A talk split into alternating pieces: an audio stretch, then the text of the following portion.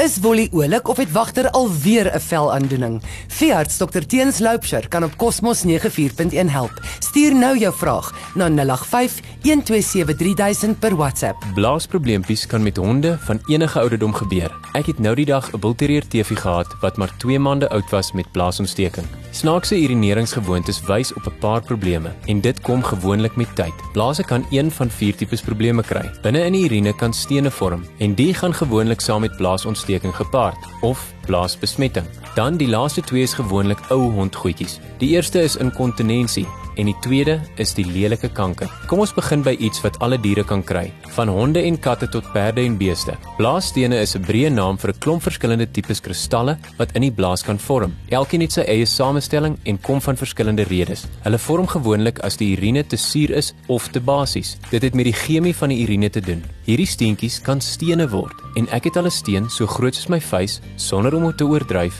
uit 'n worshondjie gehaal. Die ander moeilikheid is dat veral terwyl hulle nog klein is en veral by manlike honde, kan die stene deurbeweeg tot in die uretra en in die penis vassit. Dit gebeur baie by manlike katte. Gewoonlik kan 'n mens die steentjie breek of terugstoot tot in die blaas, maar partykeer moet mens opereer en in die penis insny of selfs die penis afsny. Hier sien ons die een opsie vir behandeling is chirurgie, maar ons probeer altyd eers met ander maniere om te help, soos om spesifieke kos te gee. Voorskrif kos help partykeer, maar ongelukkig net vir party tipe stene. Hierdie stene kan blaasontsteking veroorsaak, maar blaasontsteking kan ook van onverduidelikbare redes kom. Altwee hierdie tekens se klagtes lyk weer soos inkontinensie en hierdie groot woord beteken eintlik maar net dat woef of kits of perd nie beheer het oor die blaas nie. Hy los kolletjies kolletjies of piepie baie gereeld. As ek so iets hoor, begin ek eers deur bietjie urine uit die blaas te haal en dit te ontleed om te soek vir kristalle of steentjies. En dan, as ek dit nie kry nie, soek ek vir bakterie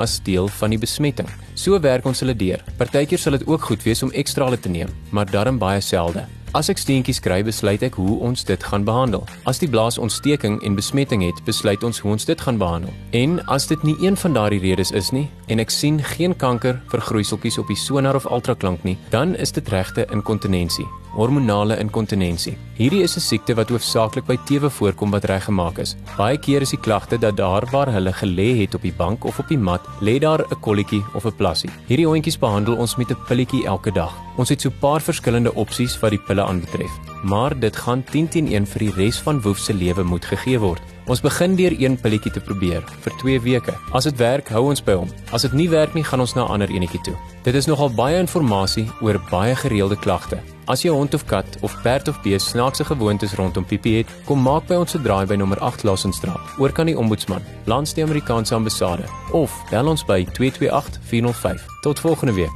Hou aan glimlag. Daar sê alles beter. Wolle jag al weer die voels rond en wagter mag weer op die bed slaap. Dankie dokter Teens wat omgee.